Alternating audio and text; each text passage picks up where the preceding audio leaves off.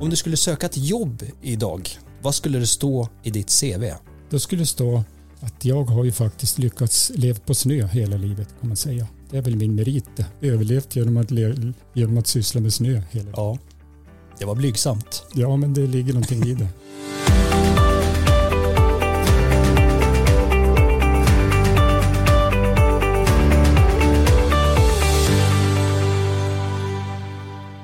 Vemdalen Podcast avsnitt nummer två, säsong ett. Jo! Jag vet inte om vi, om vi håller på med säsonger i den här podden, men det, det låter ju proffsigare i alla fall. Ja, vi kör så. Ja, vi kör så. Ja. Eh, första avsnittet, det känns som att det tog eh, skruv faktiskt lite grann eh, senast när vi gästades av eh, Ploggas Erik Ahlström och vi pratade bland annat om hur, hur stort det har blivit med ploggning i Sverige, i fjällen, men också plogging som det heter över hela världen.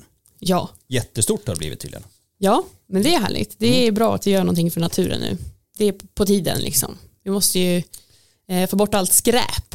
Ja men det är ju det och han har ju hållit på med det här sedan 2016 tror jag vi pratade om. Eh, och så frågade han så här, men ser du någon skillnad sedan 2016? Nej, Det tyckte han var en svår fråga och typ att ja, Ja, men sen såg jag någonting här i, om det var Aftonbladet eller någonting, att det faktiskt hade minskat skräp i fjällen. Och det är ju härligt. Och det är väl kanske ett resultat av eh, våran lilla kampanj. Ja, det Vi kan, tycker Vi kan jag. ju hoppas det i alla fall. Ja, fjällen forever. Ja. Det är den du tänker på. För då var vi inne och nosade lite grann på Destination Vemdalen, Funäsfjällen och Lofsdalens samarbete med Härjedalens kommun i den kampanjen som vi har Fjällen Forever. Exakt. Och sen dess har den kampanjen fått sällskap av, eh, vi fick fått med oss Åre kommun, Strömsunds kommun och Bergs kommun som står bakom eh, vårt lilla upprop. Härligt att vi kan göra saker tillsammans. Mm. Och har man inte spanat in så gå in på fjällenforever.se helt enkelt och skriv under. Och skriv under givetvis. För det är liksom inget stort löfte utan det är ganska basic och väldigt ja, förnuftigt bara. Ja, Så är det med det. Men det var avsnitt nummer ett. Nu ska vi släppa det och gå vidare på eh, dagens avsnitt. Har du gjort en bucket list någon gång Linnea? ja, jättemånga gånger. Det är, liksom, ja, det är så Ja. jag planerar när jag, när jag ska åka någonstans. Eh, jag är en liten planeringsperson också. Mm. Så då brukar jag scouta lite vad man ska göra och så brukar jag stolpa upp till allas glädje. Vissa kan tycka det är lite för planerigt men eh, jo, och jag har till och med en här i Vemdalen. Vad skönt ändå att hänga med någon som redan har gjort den där listan så slipper man göra det själv.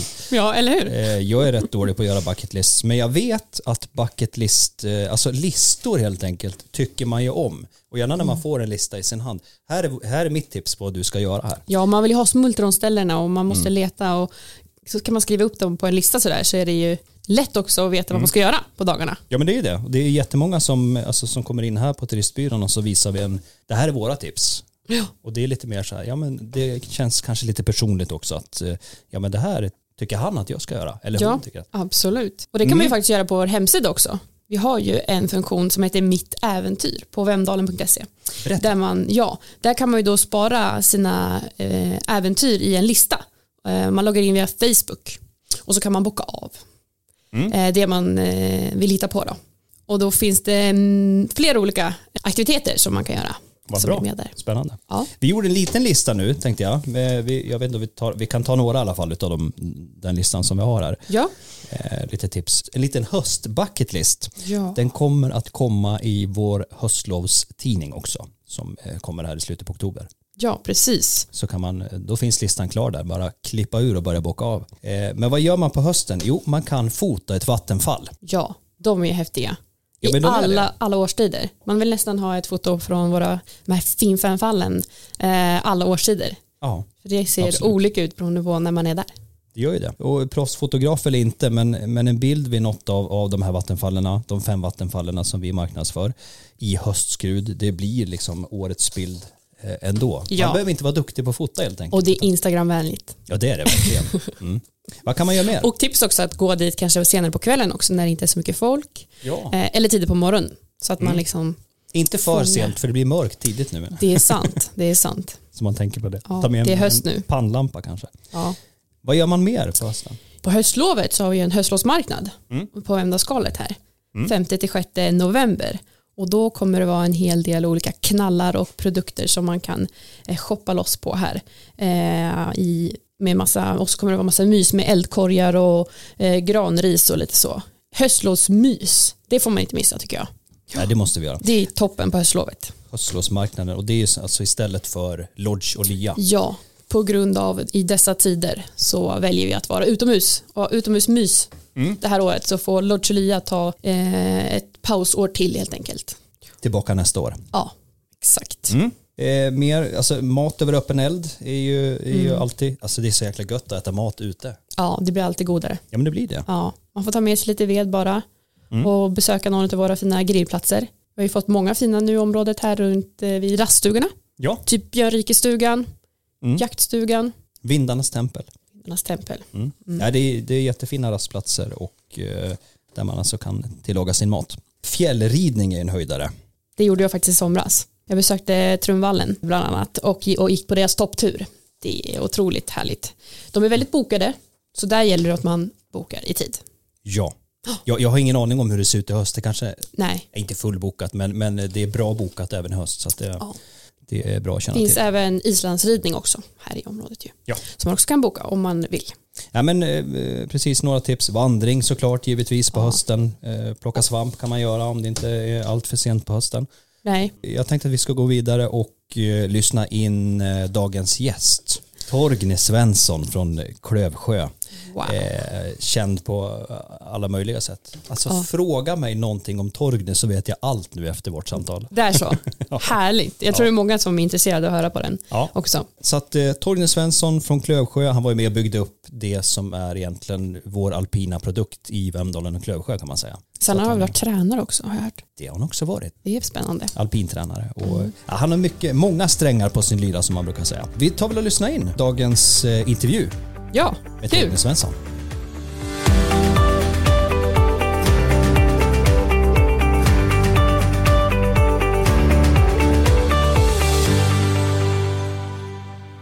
Välkommen Torgny Svensson.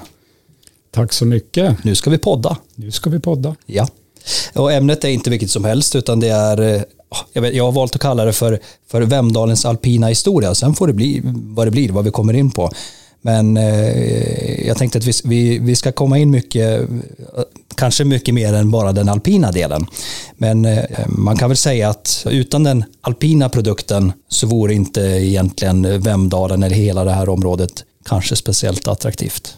Det tycker jag kan hålla med om absolut. Det är väl fortfarande så att den här ekonomiska motorn i systemet idag också är just utförsåkning och liftkortet. Och även om det kanske inte var så i absoluta begynnelsen så har det genom historien varit av väldigt stor betydelse just det här med utförsåkning. Mm. Och innan vi går vidare så, så tänkte jag att eh, vi måste gå ut med, jag vet inte om vi ska kalla det ett avslöjande eller eh, hur vi ska uttrycka det. Men eh, jag tänker att om vi börjar prata nu om Klövsjö, Vemdalen och besöksnäringen så kommer vi ha en ganska stor skara som kanske inte riktigt lyssnar på vad vi säger utan funderar så här att vart har jag hört den där rösten? Ja, men jag känner igen det där. Vem är det här egentligen? Och har man lyssnat på Sveriges Radio är lite sportintresserad, ja då har polletten kanske redan trillat ner. Ska vi riva av Ja, ska vi Plåstret. det? Ja, men det händer ju faktiskt precis det där du säger. Men det händer ju ibland att någon säger så här, men eh, jag känner igen dig på något vis. Och det är ju det där med rösten då. Det är ju utifrån att jag har haft förmånen att jobba med radiosporten under många, många år. Mm. Varit på många stora VM och OS och så vidare. Och eh, jobbat då som lite grann så kallad expert. Och utifrån det så kanske rösten är lite känd då. Och då är det alltså expert eh, på... Experter, experter. Det är- Jordklotet är fullt med experter. Man är tämligen trött på alla experter. Men jag har då haft förmånen att jobba som Radiosportens alpinexpert. Mm. Och det har du gjort bra. Säg det, säg Ja, det. ja. Det finns alltid i alla fall oändligt många synpunkter på experter. Och du är inte klar än utan du gör kanske något inspel lite då och då. Det är nog på, kanske kan bli ett år till, men troligtvis inte. Radiosporten håller på att rekrytera nytt, vilket är ju högst förståeligt naturligtvis. Allt har sin tid. Så kan det vara. Och, och då har du ändå varit med, alltså sen, nu snackar vi, eh, jag gjorde lite research och sen 84, Sarajevo, kan det stämma? OS? Det stämmer det. Jag var med några år innan också, men första stora mästerskapet var Sarajevo 84. Hur många OS har du varit med på? Ja, jag är väl inte tvärsäker, men jag tror det är 12 stycken kanske. Var. Och förutom det så har det ju varit en massa andra liksom, eh, världscuper och, och VM och Ja, det har det. Det tog väl vara då kanske 15-16 VM då kanske. Då vet vi det, så då har vi koll på, på, på rösten så att säga. Så att, eh, då, då går vi in på nästa och jag tänker när vi ändå är inne på dig så tror jag att många, många lyssnare vet säkert redan ganska mycket om dig. Eh, jag tänker ändå att vi tar en liten kort resumé om Torgny Svensson. Och då, då tänkte jag upplägget så här att om du skulle söka ett jobb i, idag, vad skulle det stå i ditt CV? Ja, då skulle det stå att jag har ju faktiskt lyckats leva på snö hela livet kan man säga. Mm. Det är väl min merit. Överlevt genom att, genom att syssla med snö hela. Ja. Det var blygsamt. Ja, men det ligger någonting i det. ja, ja, men det gör det absolut. Men om vi tar, nu snackar vi 80-tal kanske, när du drog igång den eran. Ja, om man ska snabbspola det ämnet så kan man ju säga att jag, eh, jag använder ordet förmån igen. Då. Jag tycker det är ett bra passande ord utifrån det här som jag gjorde då mellan åren 74 och 80 då jag eh, eh, var en av de här ledarna inom alpina landslaget och reste runt i Europa och i världen i övrigt ett antal år. Men efter 1980 då har jag arbetat i besöksnäringen i det här området i olika varianter. I huvudsak genom att ta ansvar för alpina skidåkningen. Började i Klövsjö 1980, kom upp till Vemdaskalet 86. Fortsatte i familjeägda företaget då, Lindgren Holmberg under ett antal år tills dess att Skistar förvärvade det här då 2000. Och så var jag Skistars mm. destinationschef fram till 2015 och numera är jag medlem i PRO Södra Jämtland. det var en snabbspolning. Det var en ja. snabbspolning. Ja, men det är ja, gedigen bana så att säga. Vi kommer in lite på de här bitarna ändå efterhand där. Jag tänker 80-talet börjar du i, på Klövsjöfjäll och då har jag ju hört lite grann om den här omtalade parallellslalomtävlingen som, som var där. Det var i början av 80-talet.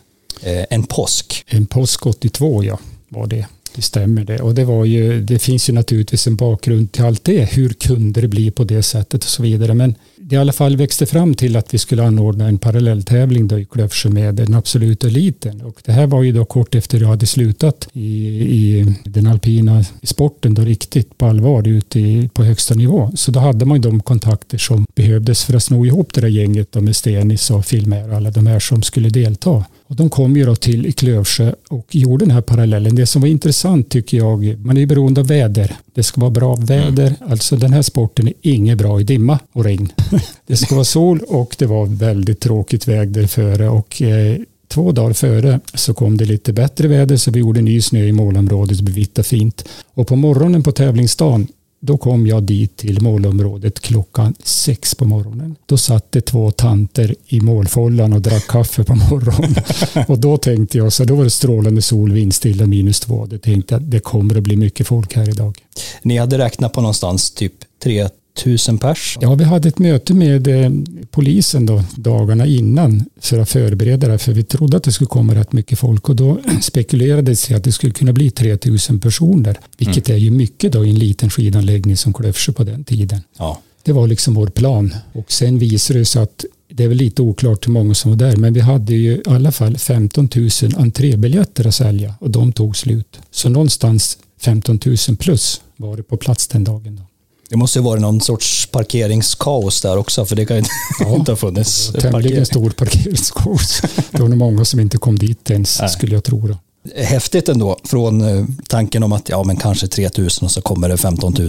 Eh, vad, vad, har det betytt för, för området och framförallt Klövsjö? För det, jag menar, det kan ju aldrig ha varit så mycket folk i, i Klövsjö som, Nej, som den dagen. Det har det inte gjort, men jag tror inte att man överdriva den betydelsen. I det korta perspektivet då så fick man ju naturligtvis uppmärksamhet och det är väl alltid trevligt och har väl en viss betydelse, men på lite längre sikt så tror jag inte det har mer, något stort värde så, mer än att det var en väldigt fin upplevelse den dagen. Mm. Eh, jag tycker vi har ändå lite koll på, på vem du är och de flesta som sagt som lyssnar har säkert något sån här koll ändå sen innan, men vi fick lite uppdatering. Eh, jag tänker vi ska ta tag i lite eh, alpin Vemdalen historia. Och då egentligen, om vi börjar med resultatet av det vi ser idag, 58 pister, 43 liftar fördelat på tre skidområden. Vi har Björnrike, eh, Vemdalsskalet, Klövsjö, Storhångna och så har det byggts ett antal hotell, lägenhetskomplex, eh, det är fortfarande växande stugområden, butiker, restauranger och så vidare. Men jag skulle vilja veta lite grann hur allt det här började. Hur började alltihop? Du menar att jag ska gå till början. Ja, ja vi, kan ta, vi kan ta lite, lite från, från början, början och sen fram till liksom vi blev en alpinort. Man kan väl nämna det i alla fall, den här början. Ja. Och då tycker jag man kan säga att eh, området då, har ju varit med på den alpina kartan ända från början kan man säga. Ända från de här eh, Rimfors och eh, Sigge Bergman var nere i Sankt mm. Anton och utifrån det förde hem den här alpina delen till Sverige. Och det här talar vi då 30-tal.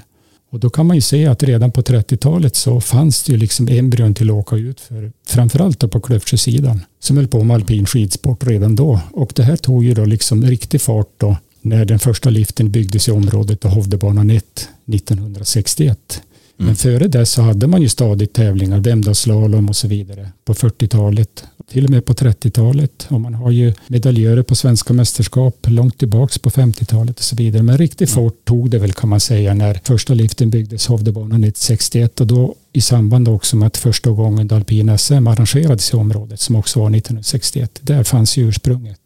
Mm. Och sen från ursprunget och vidare då nu, sen vi blev liksom en riktig skiddestination om man säger där, där vanligt folk började åka hit och åka skidor. Ja, men sen gick det ganska tämligen långsamt kan man säga om man jämför med andra områden. Om man backade runt 1980 till exempel så var ju om man tittar på försäljning av liftkort så sålde man lika mycket liftkort i det här området. Åre sålde marginellt mera och Sälen lite marginellt mera. Och sen kom ju utvecklingen då i Åre i samband med den här statliga stora satsningen och framförallt den här stora expansionen som skedde i Sälen och även Idre och den alpina delen i Vemdalen utvecklades ganska måttligt och ganska långsamt genom åren. Och man hade kanske mycket mera fokus på hotell till exempel och sånt innan man började inse att just den här efterfrågan på just att åka ut för att det fanns väldigt gynnsam ekonomi i det och då tog det mera fart. Men länge och ända fram till ja, om man säger från 80 fram till mitten på 90-talet och fram emot slutet på 90-talet så var ju utvecklingen här ett stillsam kan man ju säga, även om det hände en hel del saker jämfört med Sälen och Åre. Då.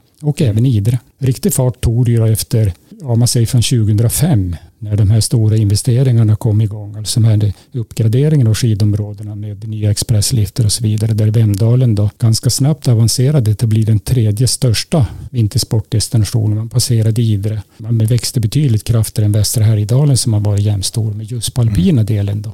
Och den delen har man ju befäst sen så efter giganten Sälen och sen Åre så är Vemdalen ohotad trea nu då om man ser till omsättning på just liftkort och utförsåkning. Jag tycker liksom det där känns som att det är ganska sent, 2005. En annan som är liksom uppväxt och tycker att ja, men Vemdalen har varit en stadig skidort liksom under hela ens liv. Men vi var kanske inte så där jättestora innan.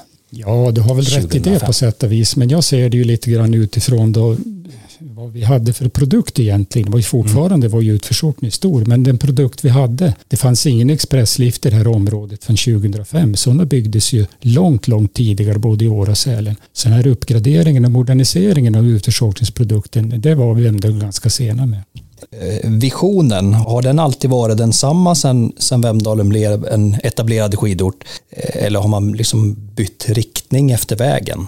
Sett ur min synvinkel då och det lag som jag har haft förmånen att jobba ihop med när det gäller just utförsåkningen så har ju naturligtvis drivits av ett eget personligt intresse också. Jag håller på med det där jag och många med mig från barnsben med just att åka ut för det har ju påverkat det hela men det har ju också påverkats utifrån att jag då har fått se mig runt om i världen egentligen vad den här produkten innebär. Vad kan det man göra av den och hur ser den ut i modern tappning? Mm. Och det har ju varit en drivkraft att man har, ju, man har hela tiden haft det som mål att det här måste liksom hänga med ut, utvecklingen i övrigt annars så kommer man att gå under. Det är ju likadant i allting egentligen. Så det har ju varit en stor drivkraft tycker jag just att utveckla den här utförsåkningen till att bli en modern produkt att hänga med. Och det var väl inte alltid så tycker jag under de här åren 80-tal och 90-tal men definitivt efter 2000. Mm. Och som du säger, du har ju varit runt en, en hel del i världen på x antal eh, skidorter. Vad skulle du säga är unikt för Vemdalen Klövsjö? Vad, vad, har vi som inte finns på andra ställen? Eller vad har de andra som inte vi har kanske mera? är det så? Nej, men jag har det här med eh, det här uppdraget jag har haft hos Radiosporten, det har haft väldigt stor nytta av naturligtvis. Alltid på sådana här stora BMS så är det ju uppgraderat när det gäller produkten också. Alla nya system och allting sånt finns ju att titta på. Och det har haft stor nytta av. Om inte fått med mig det hem väldigt på det sättet, men i alla fall mentalt så vet man ungefär vad, vad, vad som har hänt och jag har haft, eh, ja, det tycker jag har haft stor nytta av och förstått vad som måste till för att man ska kunna behålla den här eh, attraktionen, att det här är en stor resanledning. Men, men det viktiga har ju ändå varit, som jag förstått det hela tiden, attraktion absolut, men att vi ändå ska behålla det här familjära och genuina. Har vi lyckats med det tycker du? Ja, det tycker jag man har lyckats med. Det är väl också en chans man har. Om man inte har världens största berg så måste man ju naturligtvis ta hand om de människor som kommer. Men det ska vi vara absoluta realister med i hela Sverige. Att vi har ju inte begåvats med de där stora alperna på något sätt. Och för mig så är det ju viktigt att man måste stå med fötterna på jorden på något vis. Så jag, jag brukar ju raljera lite över det här man googlar på Åre till exempel. En av jordens bästa skidorter. Hallå, säger jag då. Vet din plats. Det gäller även oss. Håll tyst. Men man, kan göra, man kan göra mycket bra av det fallhöjder man har här också. Relatera till vad som finns för möjligheter då på det här resavståndet till Mälardalen och så vidare. Där är vi ju näst bäst i Sverige på förutsättningen på just fallhöjd och på terräng efter mm. Åre. Och sen vilket klientel som faktiskt kommer hit. Det, det kanske inte är de allra värsta utförsåkarna som kommer hit utan de drar till Alperna. Ja, det gör de, men det är ändå relativt. Ser man till stora mängder som åker ut för och precis som du säger så är ju vår, eh, det är ju familjen i första hand som eh, hela svensk utförsåkning lever på. Och sen åker en hel del till, till Mellaneuropa, men det är inte relaterat till hur många det är som åker på hemmaplan så är inte de som, så många. Men jag ser det som en absolut fördel att man åker dit. Eftersom man en gång har varit där, då blir man utförsåkare i, i, i evigt så att säga. Och när man då får kids, då kommer man tillbaka hit. Så det är en bra variant att de ses om i världen, utförsåkarna. Vi har varit inne och nosat lite grann på Skistar också när de, när de tog över skidområdena här i, i Vemdalen, Klövsjö. Eh, 99-2000 och det var samtidigt som de förvärvade Åre Eh, jag, jag, har hört lite rykten och jag läste också en artikel när, när Skistar firade 45 år. När de var intresserade av att köpa Åre så fick de Vemdalen på köpet. Det eh, sägs ju ofta, men vad är sanningen i det? Det vet inte jag i alla fall. Men man kan ju kanske tro det utifrån vad som händer efter 2000. Det fanns ju då framtagna mycket realistiska planer beräknade på alla möjliga sätt om att man skulle sätta lite att man skulle sätta igång lite investeringar i Vemdalen. Uppgraderingar framför allt men också att utveckla då just alpina produkten. Och eh, de fanns ju redan före Skistar kom in i bilden och presenteras ju för Skistar men det tog ju från Skistar köpte Åre Vemdalen då fem år innan någonting hände i Vemdalen. Och utifrån det så skulle man ju lite konspiratoriskt säga precis det som du säger att i huvudsak så var man väl då intresserad av Åre. Och så följde det med. En, och så följde Vemdalen med då naturligtvis utifrån att man köpte det, det bolaget som hette Åre Vemdalen AB. Familjeägda bolaget och tidigare Holmberg, de sålde ju liftarna till det ägare av, av liftarna i Åre då, 97. Då bildades det Åre Vemdalen AB. Det var ju det som Skistar förvärvade då, 2000. Idag är du eh, glad pensionär men ändå aktiv i ett antal projekt så att du, du sitter ju inte hemma på, på sofflocket. Du är lite av en tågnörd också. Ja, jag tror att jag tror inte man ska använda nörd faktiskt. Jag tycker man kan säga att jag är lite mer intresserad i tågen ja. kreti och pleti. Men jag kommer inte upp i nördnivån för där ja. finns det verkliga. Ja, ja det gör ja, absolut. Framförallt inom tåg så där finns är det, annorlunda, jajamän. mycket nörderi. Det, det är där sant. finns det verkligen. Eh, men du, du är ändå eh, aktiv, du håller lite koll på, du är involverad i Inlandsbanan eller man ska säga intresserad. Och... Ja, det har jag. Det här har att göra med en, en analys egentligen som är så uppenbar för oss alla besöksnäringen i Härjedalen och södra Jämtland, om man, eller vad säger jag, södra berg, om man slår ihop den så är den störst i region Jämtland-Härjedalen. Den är störst i alla tal. Jag tittade till exempel på antal skiddagar nu innevarande säsong, eh, alpina skiddagar. Där har ju då Åre och om man slår ihop då Vemdalen, Funäsdalen, Lofsdalen genom åren alltid varit jämnstora i modern tid i alla fall. Det har gått lite fram och tillbaks. Sista året så var ju då Härjedalen 100 000 skiddagar större än Åre till exempel. Den här analysen av att största besöksnäring finns i, i Härjedalen och Södra Och om man då lägger till att ja, jag skulle tippa 98 procent av alla som besöker det här området, de kör bil. Mm. På vintern och sommaren. Antalet gästnätter i Funäsdalen på sommaren är större än i Åre. Alla kör bil. Och så har man en järnväg som går rakt igenom som ligger för fäfot. Vilken möjlighet! Det är det som jag bråkar om egentligen och tycker att fler borde bråka om.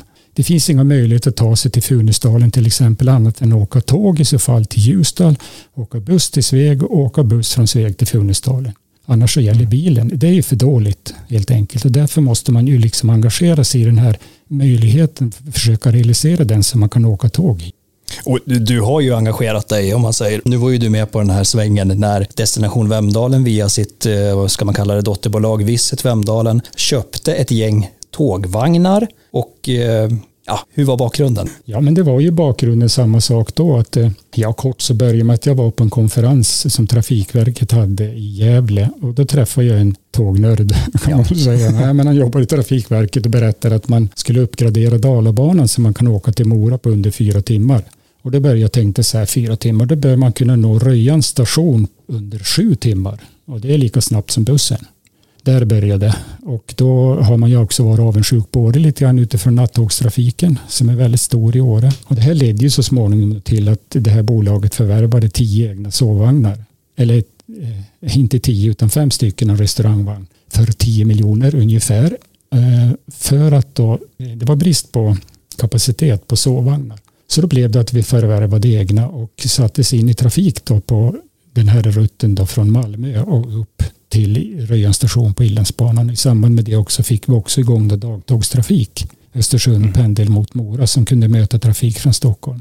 Och det var väl ett projekt då som många deltog och hejade på och som har fungerat sedan 2013 fram till idag. Då. Som transporterar inte alltför stora volymer men ändå visar på möjligheten och som borde utvecklas framförallt då för Härjedalen som har inga möjligheter att ta sig tåg, tågresandet på något vis. Då. Ja, nej men och det gick ju bra. Idag rullar ju ja, tåget. Det gick ju bra, men man kan ju bara konstatera att ibland blir man ju lite fartblind. Och, hela det här kunde ha slutat lite illa, vill jag påstå. Ja. Och den som räddade projektet det var ju Peter Ekholm egentligen, som sedermera blev vd då på Inlandsbanan. Det visade sig att det här blev alldeles för dyrt med de små volymer som vi kunde skapa själva. Men Peter lyckades ju då få till ett avtal med eh, Snälltåget det vill säga det tåg som kör nattvagnar till Åre och som gjorde att det här kom ekonomiskt väl ut i slutändan. Annars kunde det gått illa det här om inte den lösningen funnits. Det var alldeles för dyrt med för små volymer att köra det här i egen regi. Att köra tåg är dyrt. Och idag kör ju snälltåget nattrafik till Vemdalen. Ja, stämmer det då. Det är, vagnarna hänger på Åretåget och så delas det här i Östersund och ner till Röjan. Mm. Transporteras till våra anläggningar. Så det är bra att säga det. det. Är inte alla som vet om det. Vi försöker att marknadsföra och få ut det så mycket vi bara kan, men fler borde kunna åka tåg till fjällen. Absolut. Men det förutsätter lite grann på sikt i alla fall att Inlandsbanan rustas. Det är ju för dålig standard på den nu, det är för långa restider och så vidare. Men en rustad sådan, då skulle man kunna gemensamt med Härjedalen och Berg, de besöksanläggningar som finns där, få volymer på tåg. Det är jag helt övertygad om. Ja, vi får hoppas att det går åt rätt håll. Jag tänker eh, lite avslutningsvis här, om, om du får drömma lite framåt här. Nu tar vi inte så, jag tänker tio år och det är egentligen inte så lång tid. Men hur ser du på Destination Vemdalen om tio år? Ja, men det tycker jag är ett intressant ämne. Vad händer runt hörnet? Det som jag gärna skulle se, jag tycker Vemdalen är väldigt beroende av just den här utförsåkningen. Det känns lite risky sådär där faktiskt. Man har liksom ett ben att stå på. Vad mm. med det? Jag skulle gärna se att man lyckades på något vis bredda näringslivet mot andra saker än besöksnäring. Alltså det finns andra funktioner, det kan finnas utbildningar eller andra varianter i näringslivet som gör att man står stabilare i situationer kanske utförsåkning eller vinter inte har samma dragningskraft som det har idag. Det skulle kännas bra om det kunde inträffa. Jag tror att man bland det som sysslar med besöksnäring, inte minst destinationsbolaget i Vemdalen med fördel skulle försöka bredda sig i sina ambitioner att få näringslivet mer, alltså mera mångfald i det då, man säger så. Så att vi, vi, vi inte bara skor oss på turismen utan Nej, vi ska hitta något ja, annat. Men titta bara på om vi tar då Inlandsbanan igen, då tar Röjans station som uppstod 1921 när Inlandsbanan kom dit. Det var ett stort samhälle med två affärer, stor mack, cementvarufabrik, charkuteri, allting väl fungerande modernt samhälle som mm. dog 50 år senare, 1970. För han stod på ett ben, nämligen tåget. Det kan oroa mig lite grann ibland faktiskt. Ja. Ja, du har rätt i det. Det är, det är viktiga aspekter att ta med sig framåt. Okej, eh, jag tänkte att vi, eh, vi ska avsluta med att du ska få ställa en fråga nu till nästa gäst. Det vet vi ju inte vem det är.